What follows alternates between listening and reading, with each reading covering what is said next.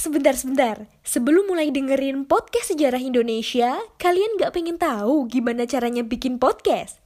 Yakin?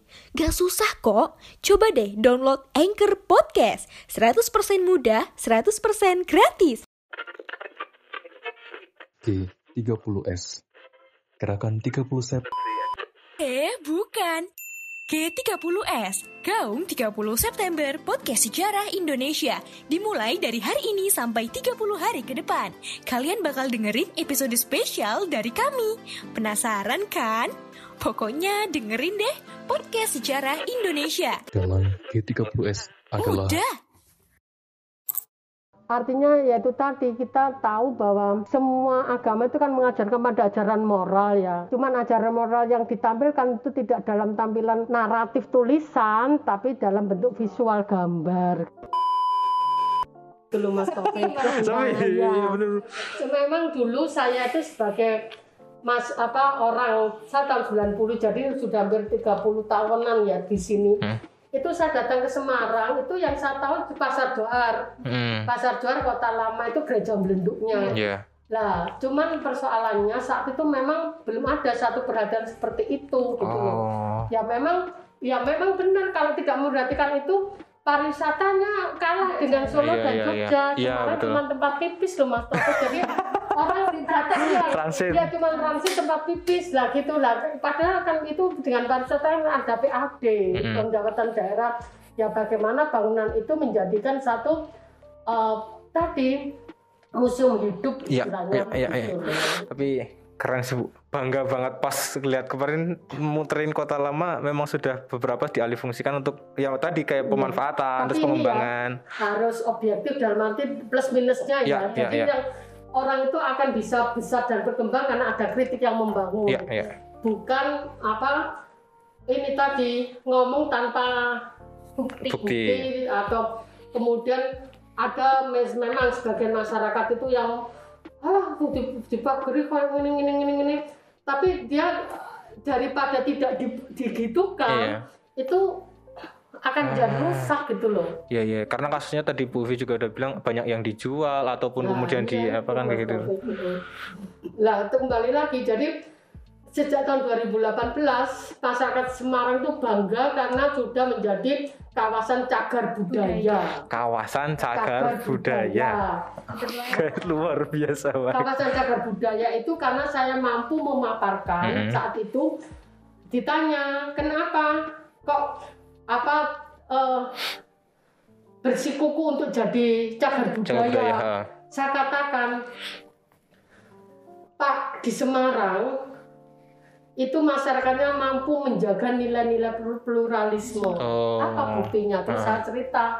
Jadi pada waktu kita tahu Semarang ini adalah satu kawasan bentukan sedimentasi. Hmm, ya, sedimentasi Ya, itu. sedimentasi di mana eh, sedimentasi antara Pulau Tirang dan Pulau Jawa Iya, iya. Di mana Pulau Tirang itu ada tem- eh, yang sekarang kita lihat kalau di dalam peta kan Jawa Tengah itu kayak punya puno ya. Iya, iya, iya. Punuknya itu sebenarnya Pulau Tirang yang tadi yang belum Oh. nempel sama Pulau Jawa. Iya, iya. Mana Demak, Hmm. Pati, Hmm, Rembang Rembang. itu di Pulau Tirang tadi. Oh, yang gitu. Sehingga mengapa kok ditemukan candi-candi yang sama Iya. tuanya, ya candi angin, Candi angin. seperti itu di situ, gitu Di Jepara. di Jepara.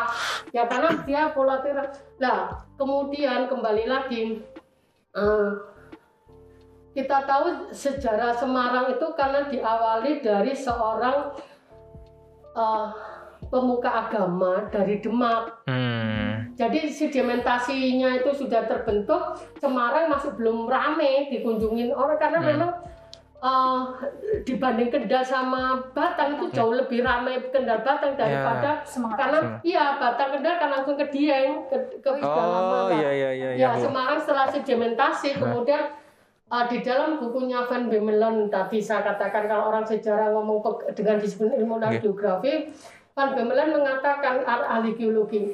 Jadi Semarang itu yang kalau kita lihat apa Gajah Mungkur itu dulu adalah laut dalam 100 meter dalamnya. Gajah Mungkur Kota yang lama, Eh. ya kota lama itu rawa-rawa. Oh, Nah oke. itu yang yang kondisi itu yang kemudian didatangi pertama kali tadi oleh apa eh, Pandanarang, Oke. nah yang sekarang jadi jalan itu Iya, nah, iya, iya. Pandanarang inilah yang kemudian sekaligus mengislamkan wilayah Semarang dan di situ Pandanarang apa ini ber- me- bertempat tinggal pada suatu komunitas kecil yang namanya dusun ngilir. Lah di dusun Hmm. ngilir inilah uh, ketemu dengan apa pengusaha misalnya bu- bu- ya karena tadi mas ini yang yang paling apa belum kita banyak dibahas. Oke. Semarang itu kenapa menjadi tempat pertemuan itu karena tadi di dalam catatan yang masih belum kita pasal yang belum terungkap Iya. Ada namanya Ratu Sima ya belum terungkap Oke. di mana letaknya tapi saya yakin dan aku yakin ya ada di daerah pesisir utara Jawa daerah Batang Kendal itu Oh. dan di sana ada namanya Pelabuhan Bergota Berkota nah ya ya selama ya. ini Amin Budiman mengatakan di dalam Semarang apa Semarang Tempo dulu Semarang Tempo dulu, ya, betul. Semarang Juwita ya, ya Oh yang biru. Ya, Iya. itu Semarang Juwita dia mengatakan bergota itu kuburan yang sangat Yang tinggi itu. Tidak. Oh. Nah kalau itu pun tinggi, kenapa Semarang itu kok berbukit-bukit? Ya karena itu kan karang atol, karang-karang di lautan di lautan mas. Ah. Jadi kan naik turun naik turun Iya, kita iya. itu ya karena laut. Oh. Si di mana lah termasuk penelitian saya disertasi di Batang itu kan itu laut laut dalam. Jadi Batang mengapa tidak ditemukan apa temuan ya karena dari foto udara citra satelit itu sampai sekarang kenapa apa jalan pesisir utara itu sering kali rusak itu ya karena Hmm, jelas. di atas air laut dibangunnya ya sudah Ah, Oke, jadi kenapa Kapan? Pantura jadi jadi tahunan ya program tahun. Nah, ya seperti itu. Kemudian uh, kembali lagi di apa di Semarang lah. Setelah uh, Kipadepan dan Arang ini apa bertempat tinggal cukup lama di situ, yang namanya tentunya beranak pinak, itu kemudian memunculkan cikal bakal yang disebut dengan Kampung Melayu. Nah, Ah. Kampung Melayu ini uh, apa membuktikan bahwa tempatnya para pedagang asing di situ masih sampai sekarang kita masih bisa melihat adanya Masjid Layur. Masjid Layur, masjid iya ya. paling tua. Di mana menaranya itu seperti Masjid Banten ya. Iya, men. Artinya uh, menara untuk muazin itu bentuknya seperti menara pandang di laut. Iya, gitu, kayak mercusuar ya. Iya, Iya. mercusuar. Nah terus karena pemersatunya itu kan kali Semarang mas. Jadi kan Kampung Melayu itu kan ada di sebelah baratnya mana? Hmm, Kota Lama. Kota Lama, ya. iya. Terus kembali Pandanarang dengan apa? Kemudian anaknya memimpin Adipati pertama Bupati pertama Semarang. Uh, Semarang, Kipadepan dan Arang Iya. dua, ya kan? Dia kemudian tinggal di Kanjengan. Dan Kanjengan ini kemudian menjadi cikal bakal berikutnya Kampung Kauman, situs Oh, Kauman. Situs Kauman. Nah, situs Kauman. Sebelahnya Kauman itu ada peci apa yang peci uh, kota lama pecinan itu kan dulu Oh iya itu, iya, uh, angge. Di, dikelilingi oleh suatu benteng yang memiliki lima sudut yang disebut dengan five, itu bahasa Belanda kan Oke, lima oke. five hook, hook itu kan sudut Iya. lima sudut karena ada peristiwa kenapa kok Semarang apa orang Cinanya itu di band di dalam Hmm, benteng saat itu ya karena di catatan sejarah kan pernah ada pemberontakan orang Cina kepada pemerintah India Belanda Oh di iya iya Jakarta iya. pemberontakan Spoi ya Iya. kan yang kemudian gubernur jenderalnya itu di eh, amankan di Semarang. Semarang.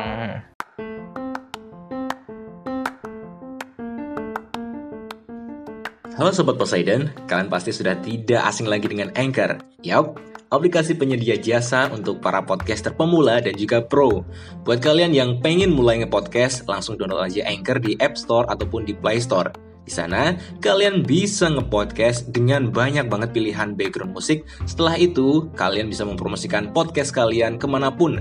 Secara otomatis, nanti akan di-sharekan oleh Anchor sendiri. So, tunggu apa lagi? Cus, nge-podcast bareng Anchor. Berarti kalau sampai gubernur jenderal di Jakarta pemberontakan seperti itu bisa berarti Semarang kan kota yang adem ayem. Iya. Walaupun banyak yang orang asing di dalamnya Hmm. kan nah. Ke- Kemudian tadi pemberontakan Cina tadi supaya orang-orang Belanda tidak kecolongan berikutnya Ah. maka orang-orang Cina yang di Simongan itu semua kumpulkan itu di dikurung sekalian itu, ya. Jalan cerita seperti itu Eh. kemudian apalagi kemudian setelah ada perjanjian Gianti ya Hmm, apa Gianti. eh, terus su- ja- ja- Jakarta apa eh, sampai pada satu peristiwa di mana Eh, Semarang yang menjadikan apa daerahnya kekuasaan keraton Solo itu kan terus diserahkan kepada pemerintah Hindia Belanda. Ah, Dan ya sudah dari situ memunculkan komunitas yang sekarang kita sebut dengan pecinan. Dan di dalam situs pecinan itu dekat sekali dengan kota lama. Kota lama itu kan tadi pemerintah Belanda itu kan juga tidak bodoh mbak mencari Mas Taufik tidak bodoh mencari lahan yang murah hmm, ya dengan menerapkan ekonomi sebesar-besarnya karena apa kota lama itu kan daerah yang datar Hmm. bukan daerah yang tadi karang-karang di atas lah Iya, iya, tadi iya, ya gajah mungkur daerah-daerah atas tadi yang berbukit-bukit Iya. Nah, di kota lama itu kan sedimentasi yang paling dekat dengan pantai. Iya. Jadi datar, tidak Ah. ada penghuninya. Seperti sekarang itu kalau di Jakarta itu yang sekarang ada apa?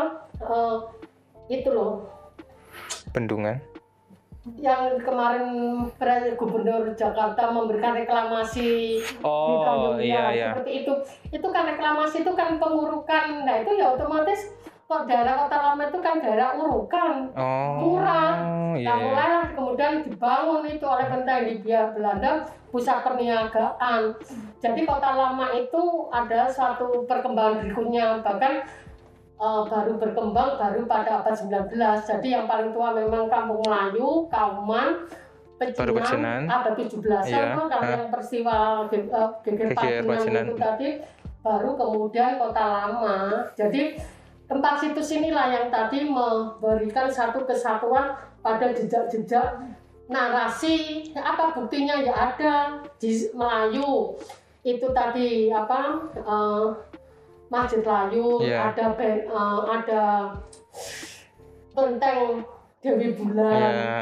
Nah, kemudian nanti di Kauman ada Masjid Kauman, Iya. Kandungan alun-alun ada.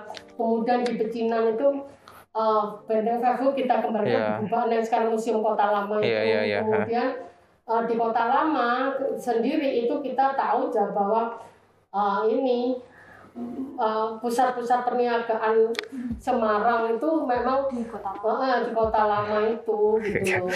luar biasa oh, oke bu nggak keserasa ini sudah satu jam lebih yang banyak banget singkat aja bu untuk Iya. pesan para pendengar podcast sejarah Indonesia Iya. ini apa sih yang Bu Uvi kepengen sharekan itu singkat saja nggak apa-apa. Tapi sebelum saya share tentang itu saya Ah, tambahkan. oke.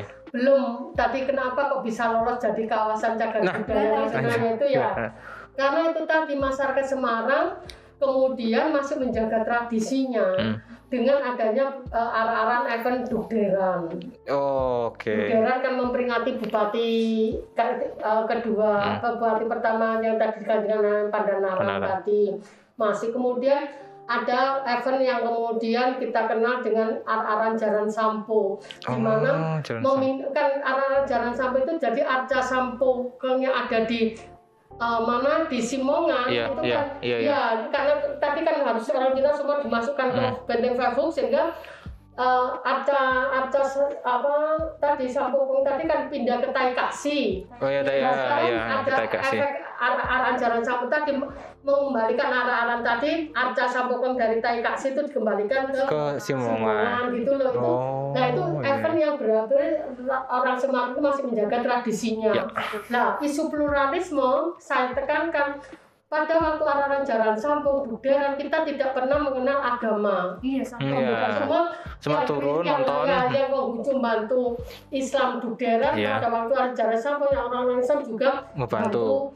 Ah, ya seperti itu. Terus apa yang menjadi pe- pe- pe- apa penguatnya untuk isu kekinian? Iya.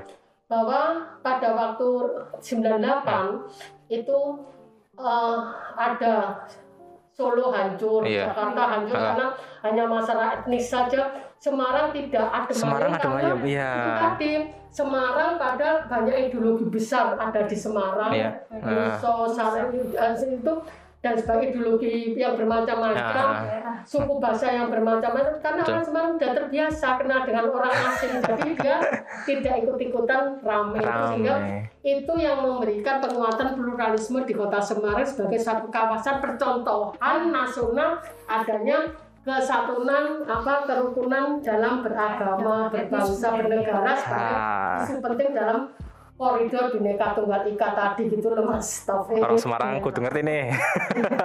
harus gitu. Oke ya. Iya, gitu. Oke, berarti isu persatuan dan itu yang harus kita Nilai. terima. Nilainya yang Ya. harus kita semua ya. Baik. Atur suwun nggih, Bu Nah, tapi Ufi. kalau misalnya nilai pemersatunya hilang, mana Nah. buktinya lah itu tadi. Malah bingung.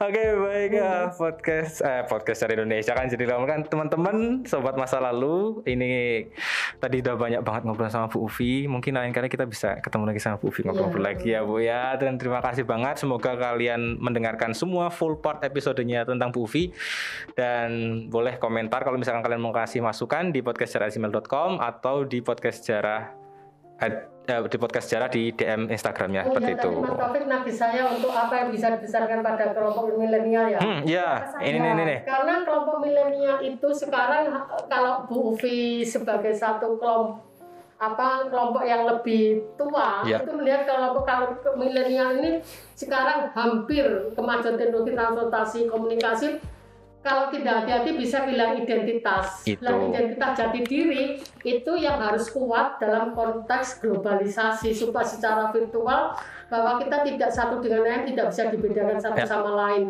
Nah tentunya pembedanya yang kuat itu apa? Yaitu kalau kita tadi kita punya keunikan, kita punya kekasan, kita punya kepribadian sendiri yang terwujud dari perilaku, dari tadi bukti-bukti fisik sejarah uh, apa jejak-jejak etapa dari bangunan unik dan sebagainya yang tadi cagar budaya tadi sehingga kita itu muncul generasi muda itu hendaknya percaya diri. PD, nah, percaya guys. diri PD. nah Percaya diri itu tidak diperoleh dari disiplin ilmu hitung-hitung. Jadi karena saya gini orang yang yang bukan berarti disiplin itu tidak penting.